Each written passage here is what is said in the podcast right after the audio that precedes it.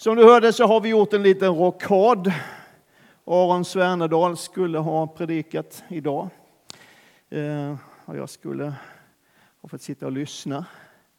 Men eh, han, han har nedkommit, höll jag på att säga, men det har han inte. Men hans fru Evelina har nedkommit med en dotter igår. Fantastiskt roligt. Ja, det är jätteroligt. Så sen tycker jag det är dålig smak att föda barn på arbetstid, men det är ju en annan sak. Vi talar om hoppet som bär oss. Och förra söndagen så började vi den, några, ser, några predikningar i den serien med att tala om evighetshoppet. Vi talade om himlen. Vi talade om att himlen är nog inte den där evighetslånga gudstjänsten som vi ibland, åtminstone min generation och de som är lite äldre, har fått för oss. Liksom, vi har sett de här bilderna och planscherna och tavlorna och allt vad det är. Liksom. Och det ser ut som att himlen är en enda jättelång gudstjänst. Och det, jag vet inte hur det är med dig, jag gillar ju gudstjänst eh, väldigt mycket och det gör antagligen du också eftersom du är här idag. Men om man tänker på en gudstjänst som aldrig någonsin tar slut så kan jag känna att det blir lite jobbigt. Eller hur? Ja. Jag erkänner det och jag är teolog och pastor, då kan du också få tycka det. Okay. Men att det nog faktiskt inte är den bilden av himlen som Jesus vill ge, utan när Jesus talar om himlen så säger han att i min faders hus är det många rum. Och det betyder att himlen kan vara på många sätt och det finns mycket att uppleva där. Så mycket så att evigheten inte kommer att räcka till för att du ska upptäcka allt vad himlen är. Eh, och när Jesus talar om det så beskriver han som att det här är en riktig brakfest. Och det är liksom inte en sån här fin och, och förnäm fest med, med vacker bankett och fint dukade. Det är en riktig gatufest, talar Jesus om. Eh, och för den som inte orkar med det så talar Bibeln också om hur Gud för oss till gröna ängar och till vatten där vi finner ro. Det finns liksom hela spektrat. Och den här predikan finns på vår podcast. Gå in på vår hemsida så hittar du den där eller du hittar den på Spotify. Så lyssna om du inte var här i söndags och bli lite uppmuntrad. För det finns det de som har sagt att de blev i söndags. Amen. Idag så tänker jag starta med tre bibeltexter plus två sidobibeltexter som grund för det som jag tror att Gud har lagt på mitt hjärta att tala om idag. Och den första är från Romarbrevets femte kapitel och hör ihop med, med det, att vi talar om hoppet som bär oss. Det står så här. När vi nu har förklarats rättfärdiga av tro har vi frid med Gud genom vår Herre Jesus Kristus. Genom honom har vi också tillträde till den nåd som vi nu står i. Och vi gläder oss i hoppet om Guds härlighet. Men inte bara det.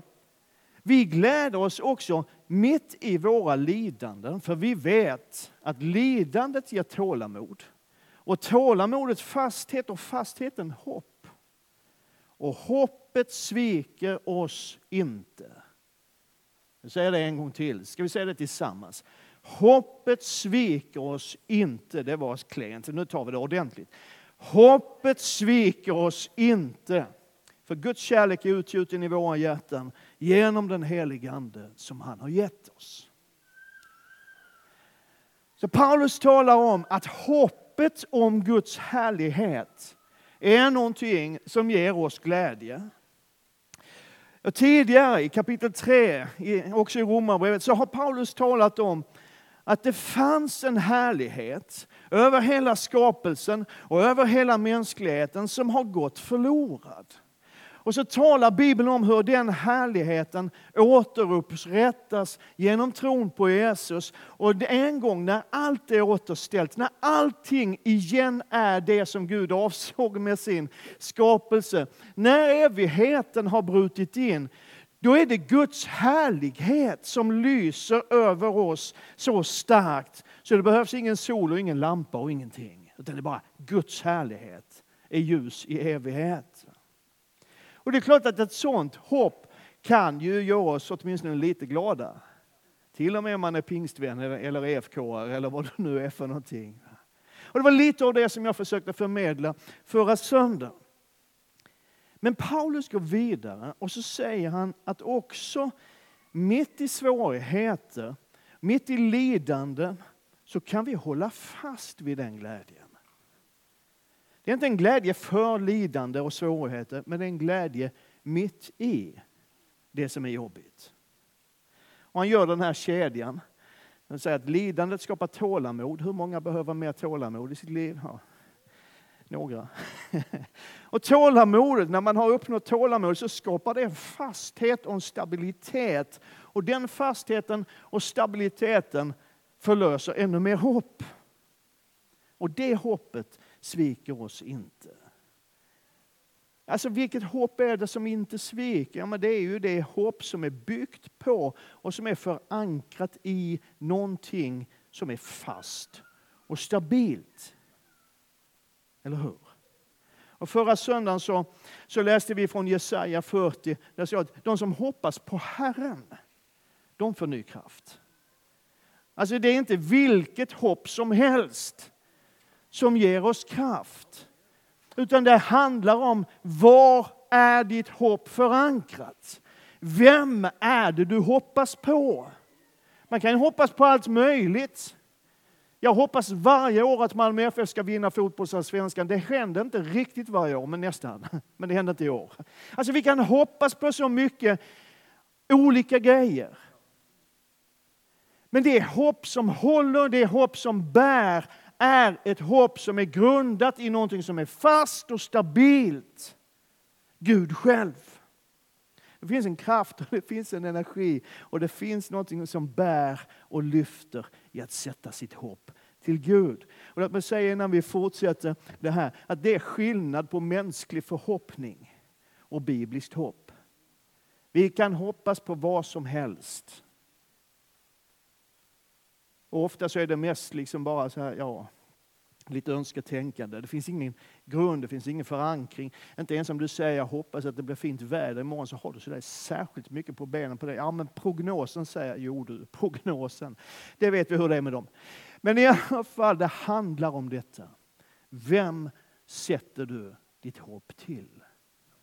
Den andra bibeltexten är från Hebreerbrevets sjätte kapitel. Det står så här, den 19 och 20 versen. Detta hopp har vi som ett tryggt och säkert själens ankare som når innanför förhänget. Dit gick Jesus in och öppnade vägen för oss. Vad är det? det är ett hopp som är stadigt förankrat innanför förhänget. Vad är det för ett förhänge? Det handlar ju om vägen in i templets allra heligaste rum. Det var liksom det rummet där Guds närvaron fanns. Det var där som det som kallas för nådatronen eller nådastolen, alltså nådens tron, stod där inne. Och dit hade tidigare bara överste prästen tillträde och bara en gång om året. Men när Jesus dog, berättar evangelierna, så brast det här förhänget i templet ända uppifrån och ända ner. Hela vägen. Det bara sprack. Och Hebreerbrevets författare gör en poäng av det. Och han skriver på flera ställen hur vägen nu därmed är öppen hela vägen, ända in till Guds tron, för inte bara överste prästen, utan för alla som tror. Alla kan komma in i Guds närvaron. Alla kan komma fram till nådens tron. Och han skriver i det fjärde kapitlet i Hebreerbrevet att därför får vi gå ända fram till nådens tron för att få barmhärtighet och finna nåd till hjälp i rätt tid. Och det är där vår själs ankare får sitta fast. Förankrade i Guds nåd och i hans barmhärtighet. Det tredje bibelstället, också det är från Hebreerbrevet. Det elfte kapitlet, den första versen, det kapitel som kallas för trons kapitel. Jag läser från Bibel 2000 först. Det står så här. Tron är grunden för det vi hoppas på. Den ger oss visshet om det vi inte kan se. Vårt hopp, hoppet som bär oss, grundar sig på någonting fast, på någonting som är stabilt, på vår tro. Amen. Jag älskar den gamla King James version. Det var den engelska bibeln som Jesus själv använde. Där står, nej. Now faith is the substance of things hoped for, the evidence of things not seen. Alltså tron är substansen. Det som hoppet är byggt på. Och då är ju grejen så här, upptäcker vän av ordning kanske, att om du läser en annan svensk eller en annan engelsk eller någon annan översättning någonstans så kommer du att upptäcka att vissa bibelöversättningar liksom har vänt på det här. Som till exempel folkbibeln som jag använder oftast. Där det står så här, tron är en övertygelse om det man hoppas. En visshet om ting som man inte ser. Och då ser det ut som att det är tvärtom, att det är hoppet som är grunden och att hoppet föder tron.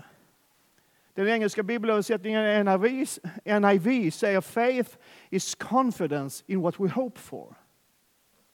Och grejen är då, bara för att förvirra dig en liten stund, att båda översättningarna är möjliga. Och det blir lite grann hönan och ägget, liksom. vad kommer först? Är det ägget eller är det hönan som kommer först?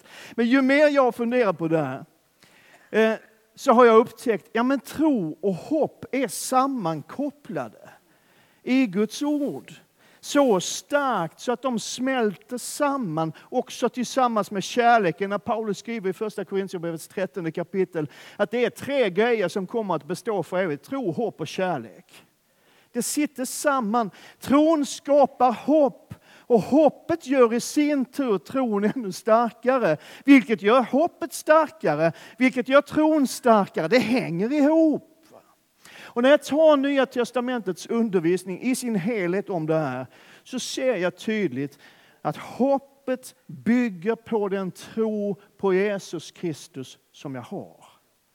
Har jag inte den tron på Jesus Kristus som Bibeln ger mig och Bibeln vill ge mig så har jag inget hopp. Och tron bygger i sin tur på Jesus Kristus, på vad han har gjort och vad han har sagt. Så det är tre texter om vårt hopp. Hur det är fast och hur det är förankrat och stadigt. Därför att det är större än mänskliga förhoppningar. Det har substans, det har en fasthet. Därför att det är till Gud vi sätter vårt hopp. Inte till lyckliga omständigheter, inte till tur, inte till ett allmänt positivt tänkande vårt hopp är starkt och stadigt därför att det är Gud själv som vi hoppas på. Amen. Med det sagt så skulle jag vilja ta dig med in i en frågeställning idag som är, får jag nog säga, lite jobbig. Är det okej? Okay? Förra söndagen så höll jag en ganska glad predikan. Eh, och en del har hört av sig och sagt att jag blev väldigt uppmuntrad av den predikan. Vi hade roligt tillsammans, vi skrattade en del, det var lite feststämning. Vi talade om himlen. Och idag blir det inte så där särskilt happy clappy. För jag vill dela en fråga med dig som jag själv har brottats med nästan dagligen de senaste månaderna och fortfarande i viss mån brottas med. Är det okej? Okay? Jag tror att vi ska kunna klara både det som är härligt och roligt och underbart och det som är lite tungt. Därför att livet är ju sånt. Så här är min fråga. Vad händer med min tro och mitt hopp när det värsta händer i mitt liv? Det är riktigt tungt. Vad händer med min tro? Vad händer med mitt hopp när det värsta händer i mitt liv. Det är fars dag. Eh, många av er vet att Birgitta och jag har två barnbarn, två pojkar som i början av sommaren förlorade sin far. Vi har en dotter som förlorade sin man. Och det har påverkat oss och det påverkar oss. Och nu är inte det här en predikan där jag offentligt själavårdar mig själv. Jag vill säga det. Utan jag nämner det här idag för dig som kanske inte känner till det, för att du ska förstå varifrån jag kommer när jag kliver in i den här frågeställningen. Vad händer med min tro och mitt hopp när det värsta händer i mitt liv? Och det värsta det kan ju vara olika saker. För oss är nog förlusten av David och allt det har fört med sig det värsta som har hänt. Och för någon annan är det någonting annat. Jag ska inte vara så arrogant och patroniserande, om det nu ens är ett svenskt ord, det blev det nu, att jag talar om för dig vad som är det värsta i ditt liv. Det vet du själv. Men vad händer egentligen med tron och vad händer med hoppet när livet plötsligt förvandlas till ett helvete? Och en av de tankar som har funnits hos mig och i våra samtal i familjen och, och så här tillsammans, det är det här som är lite konstigt. Att när det värsta har hänt så ska vi alltså vända oss till den ende som kunde ha förhindrat att det hände. Hänger du med? Alltså det är ju det vi kristna gör, eller i alla fall så är det det vi förväntas att göra att när det allra värsta har hänt så ska vi fortfarande gå till den Gud som är den enda som hade kunnat förhindra att det hände.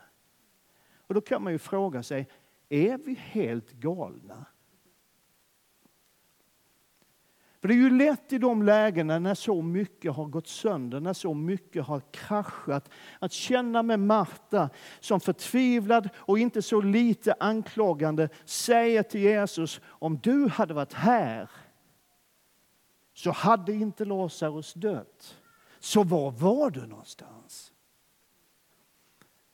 Och jag tror och vet att ganska många av oss har varit där och är där när vi undrar, var är du Gud?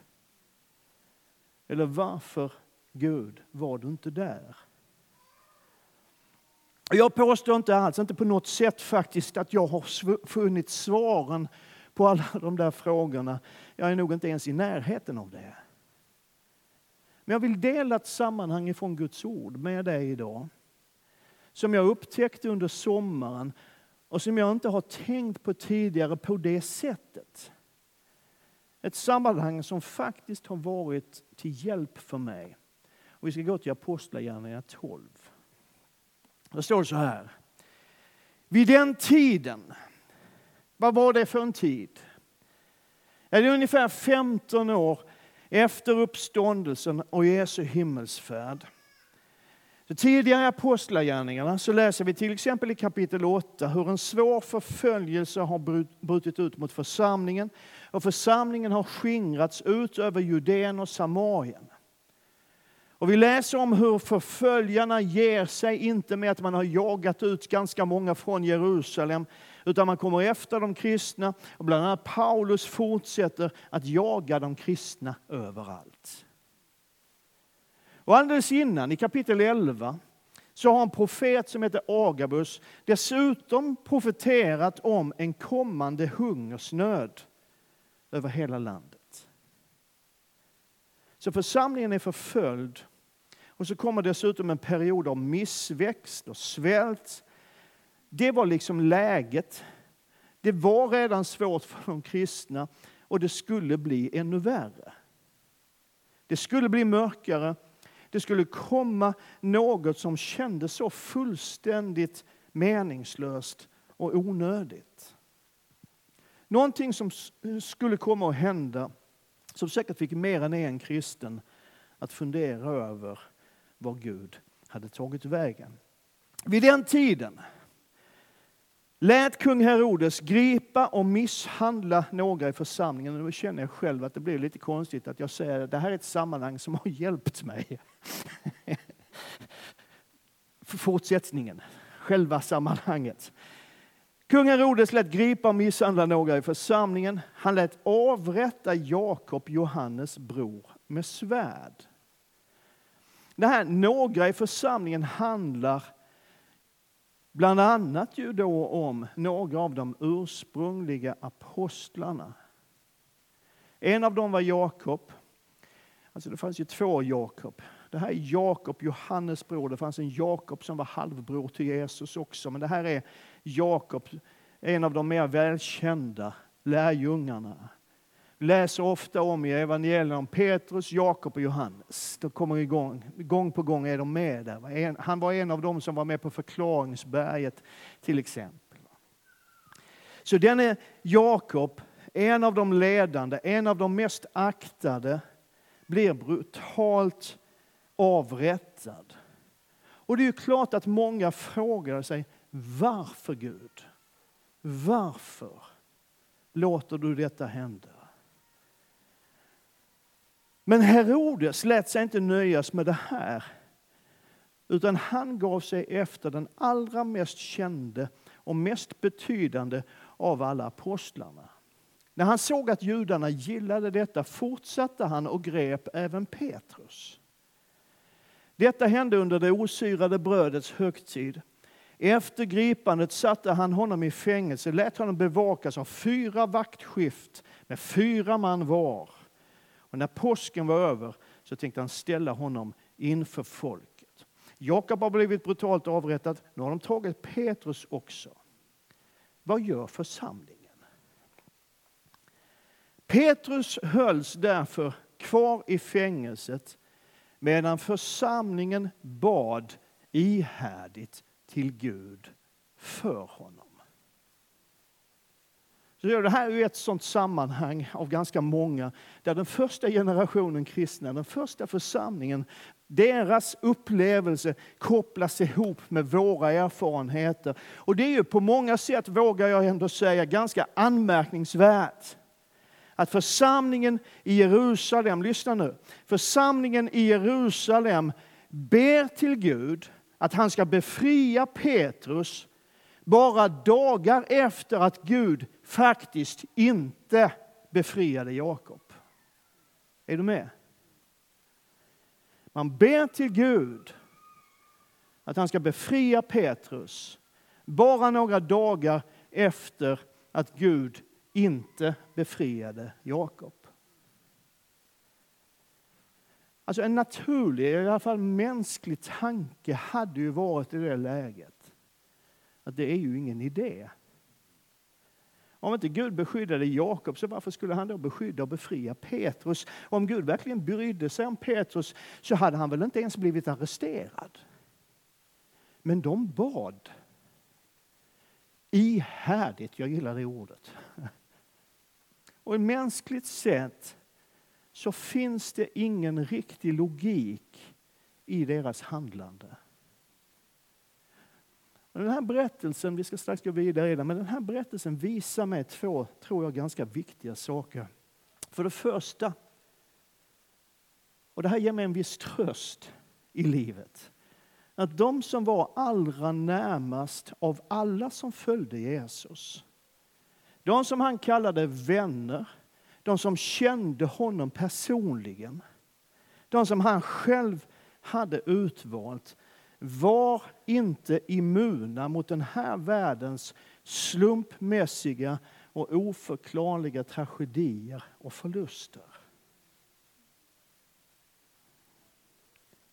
Ibland har vi ju fått för oss att det ska vara det. Att, att allt, röda mattan, ska rullas ut för oss. Men inte ens de som var Jesu allra närmsta vänner var immuna mot det onda som kan hända i den här världen. Och trots att de, för det andra, trots att de både trodde och visste att Gud faktiskt kunde ha förhindrat det svåra och fruktansvärda och kanske undrade varför han inte gjorde det, så fortsatte de att vända sig till denne Gud för att få tröst och få hjälp när det svåra och fruktansvärda hade hänt. De fortsatte inte att lita på Gud och vända sig till honom för att de hade fått alla svaren och att alla bitarna i livets obegripliga pussel hade fallit på plats för dem. Utan de fortsatte att lita på Gud och vända sig till honom i alla fall. Så när du i din situation fortsätter att vända dig till Gud. Fortsätt att vända dig till den Gud som inte gjorde det du förväntade dig.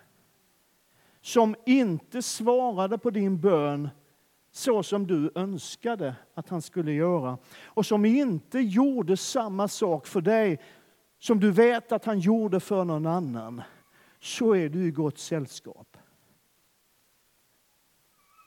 Den första församlingen gjorde samma sak. Och lyssna, det faktum att de gjorde det är anledningen till att evangeliet fortsatte spridas över världen och det är anledningen till att vi ens har samlats här idag. För om de hade gett upp, vilket hade varit förståeligt, så hade evangeliet aldrig nått till dig och mig. Och lyssna på vad jag säger nu. Och tar du inte med dig någonting annat från den här förmiddagsstunden, var snäll och ta med dig det här. För jag säger inte att det som har hänt i ditt liv har ett högre syfte. Jag säger inte att det som har drabbat vår familj och släkt har ett högre syfte, för jag tror inte att det har det. Och att försöka hitta en mening i det slumpmässiga och ofattbara leder ingenstans. Det svåra som har hänt har inget högre syfte, men du har ett högre syfte. Så församlingen bad ihärdigt. Och då, då kan man ju tänka att de måste ha haft en så väldigt stark och stor tro som inte ens lät sig skakas av Jakobs avrättning och Petrus fängslande. Så kan man ju tänka. Men sanningen är, när man läser fortsättningen av berättelsen, att det verkar som att de inte hade någon tro alls. Du som kan den här storyn, du vet att när Petrus sitter där fängslad så kommer en ängel och befriar Petrus. Leder honom ut ur fängelset.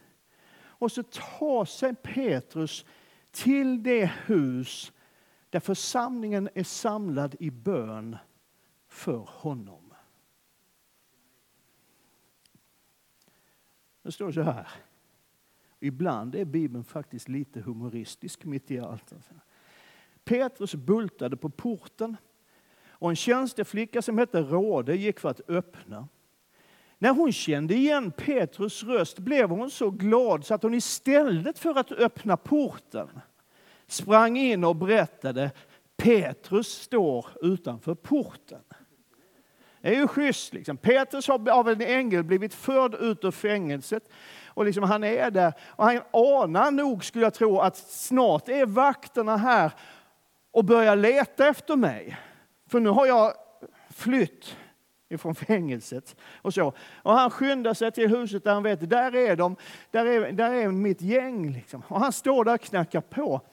Och tjejen som skulle släppa in honom blir så liksom, upprymd så att hon öppnar inte ens. Och så fortsätter så här, lyssna nu noga. De sa till henne, när hon påstod att Petrus är utanför porten. De sa till henne, du är tokig.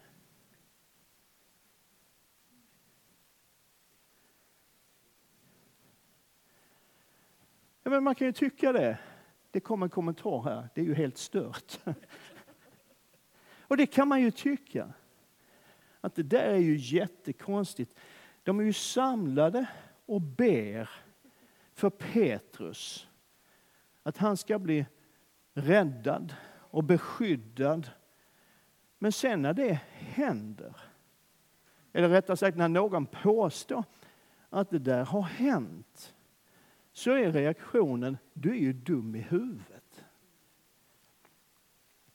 Men hon försäkrade att det var så. Och då sa de, det är hans ängel. Och exakt vilken teologi som ligger bakom det påståendet, det vet inte jag. Men det är inte kristen tro i alla fall. Under tiden fortsatte Petrus att bulta.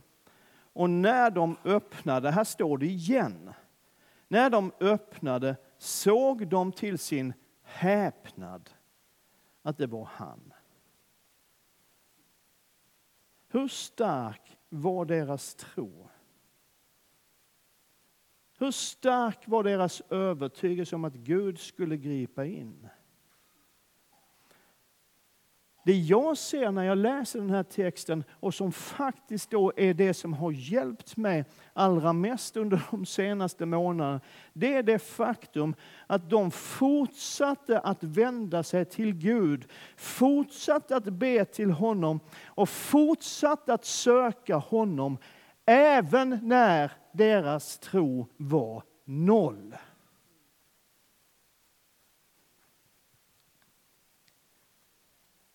När det inte fanns någon tro så kastade de sig på Gud i alla fall. Och både du och jag har varit i de situationerna i livet när vår tro har varit extremt liten, extremt bräcklig, extremt svag.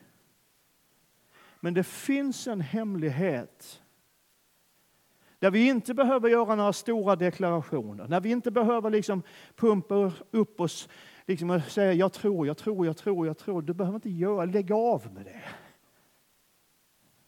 Och bara i desperation kasta sig på Gud. I alla fall.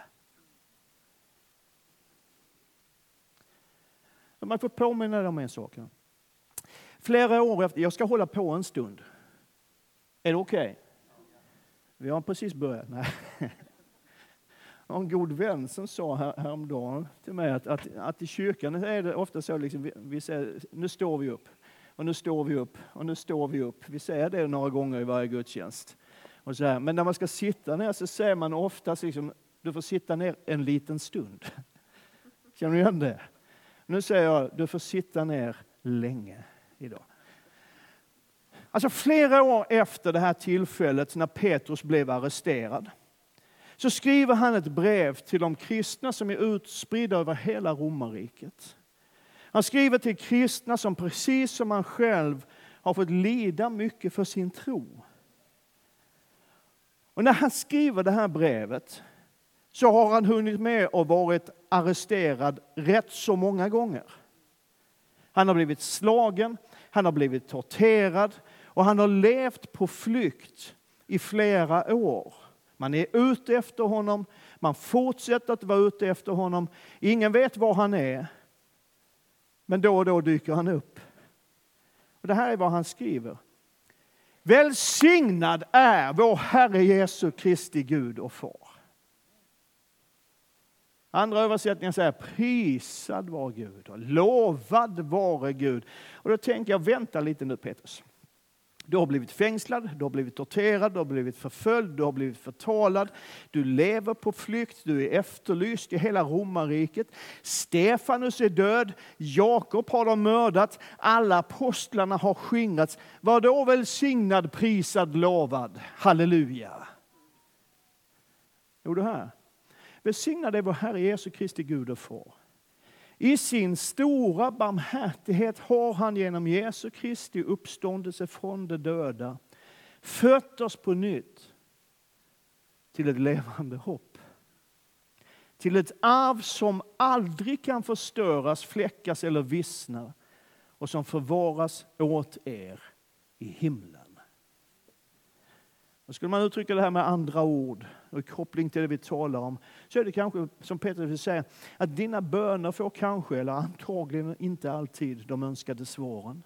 Du kommer troligen aldrig att förstå varför det värsta så slumpmässigt drabbar oss.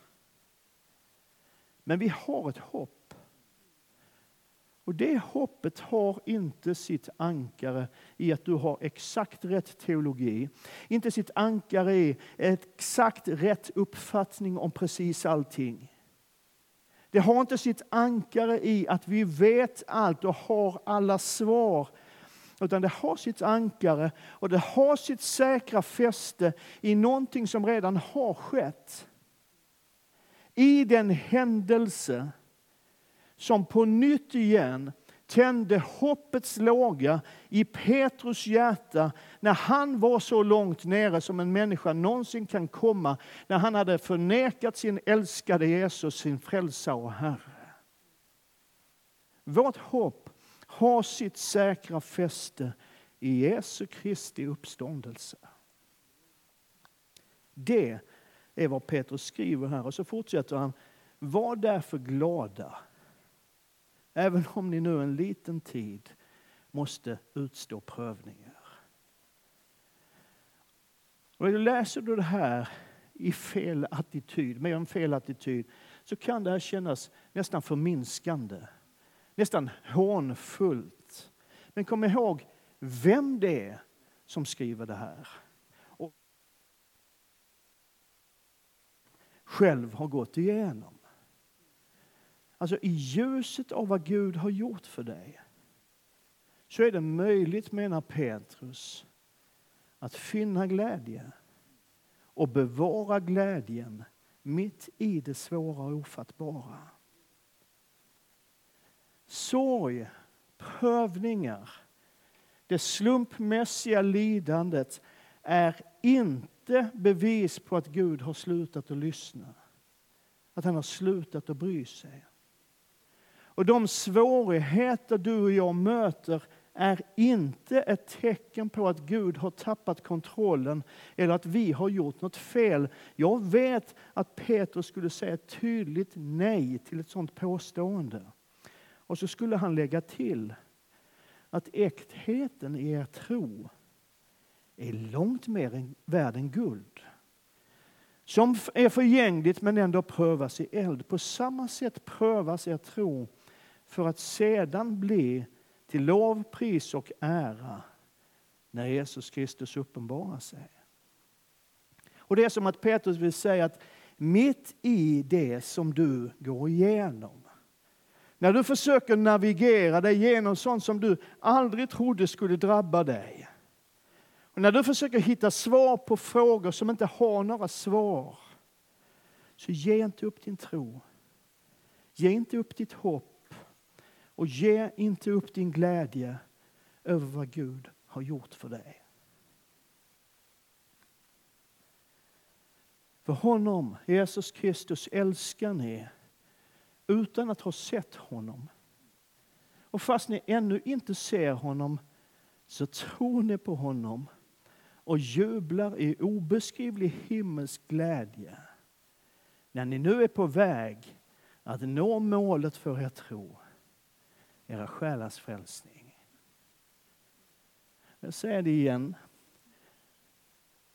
Det du har gått igenom, eller det du går igenom, har inget högre syfte. Så försök inte hitta något. Men du har ett högre syfte. Du har ett högre syfte. Och jag älskar hur NIV uttrycker det i den nionde versen. For you are receiving the end result of your faith, the salvation of your souls. Alltså, vi står inför att få ta emot slutresultatet, slutprodukten av vår tro. Våra själars frälsning.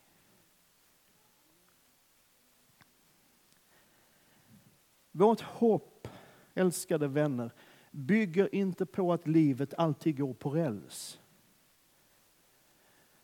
Vårt hopp bygger inte på att vi får svaren på alla våra frågor.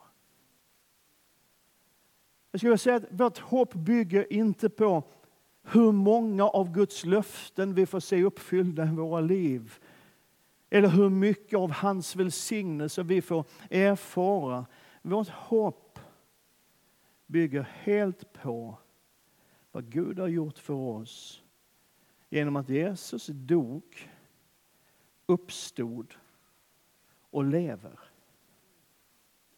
Och att vi genom det som Gud har gjort för oss är på väg att vinna målet för vår tro, slutresultatet av vår tro, våra själars frälsning.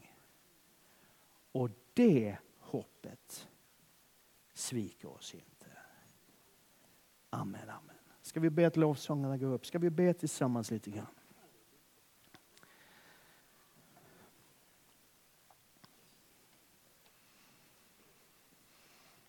Jesus.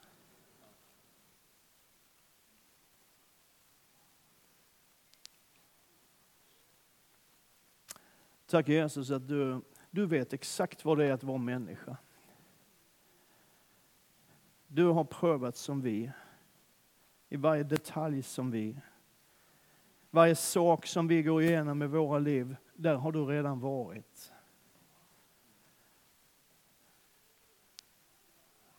Och tack för att det är så att, att för att det är så, så kan vi frimodigt komma inför nådens tron.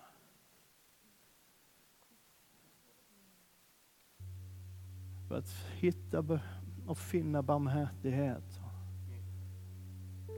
och nåd till hjälp i rätt tid.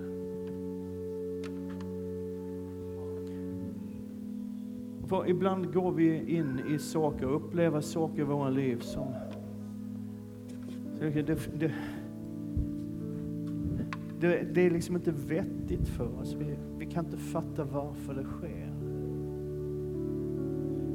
Men hjälp oss att i de lägena bara hålla fast vid dig. Till och med de gånger när vi är helt övertygade om att du kommer inte att göra någonting alls.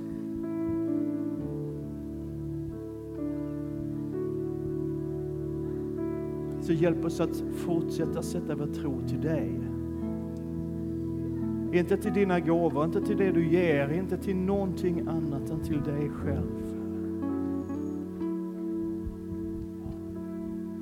Tack att det räcker Gud.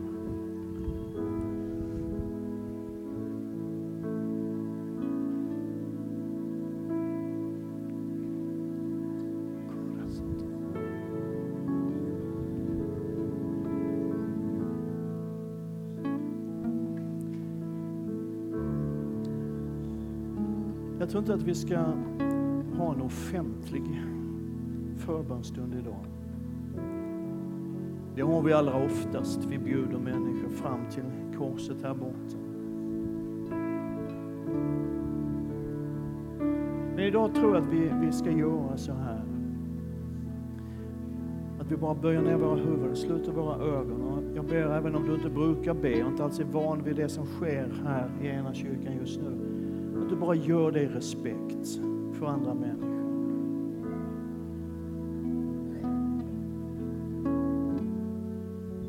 Och så skulle jag uppmuntra dig som, precis som jag, bär på de här frågorna om varför och var var du Gud och varför är det så här? Alltså du vet, det här som kan mala och störa. Som står mitt i en sån här situation där du inte själv ser någon utväg, du vet inte hur det ska gå. Och som känner att din tro är nog ganska nära noll just nu men som ändå i allt det vill kasta dig på Jesus. Och gå till han som både är den som skulle ha kunnat fixa det där förut, men framförallt är den som kan bära dig hela vägen hem. Du känner att jag har inget annat. Herre, till vem skulle jag gå? Om du bara vill lyfta upp din hand just nu så ska jag innesluta dig i en bön. Jag kommer inte att peka ut dig, jag kommer inte att be dig resa på dig, jag kommer inte att göra någonting mer än att be en bön för dig och tillsammans med dig. Men det finns någonting starkt i det. En av de saker som, som vi som familj har varit mest tacksamma för under den svåra period vi har gått igenom, det är att veta att det finns människor som ber. Och vi har känt oss och vi känner oss burna. Så att när jag inte har orkat ens be så har du bett för mig.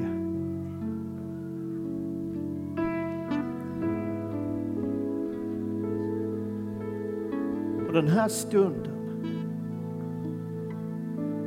när inte du kanske orkar, så skulle jag vilja be för dig.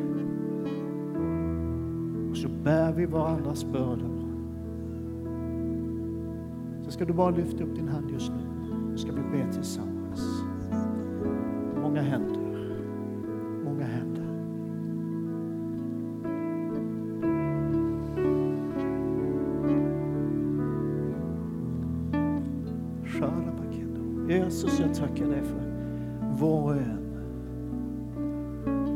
Sträckt upp sin hand som ett kanske desperat rop till den enda vi har att gå till. Till den enda vi kan sätta vårt hopp till.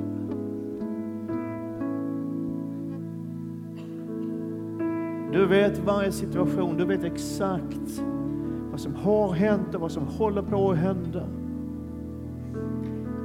Du känner tyngden, du har själv burit den.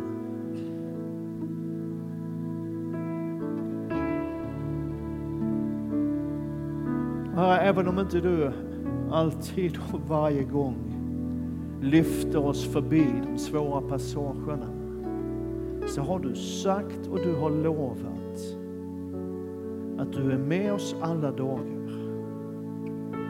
Och du går vid vår sida.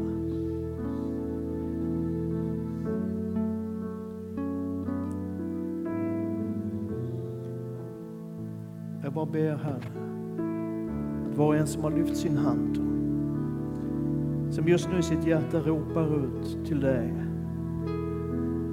Jag ber att du som är all trösts Gud och du som också är hoppets Gud ska komma så nära som bara du kan komma en människa. Så mycket närmare någon annan människa någonsin kan komma. Så mycket närmre än vad vi kan komma oss själva. Kom och fyll med din Ande.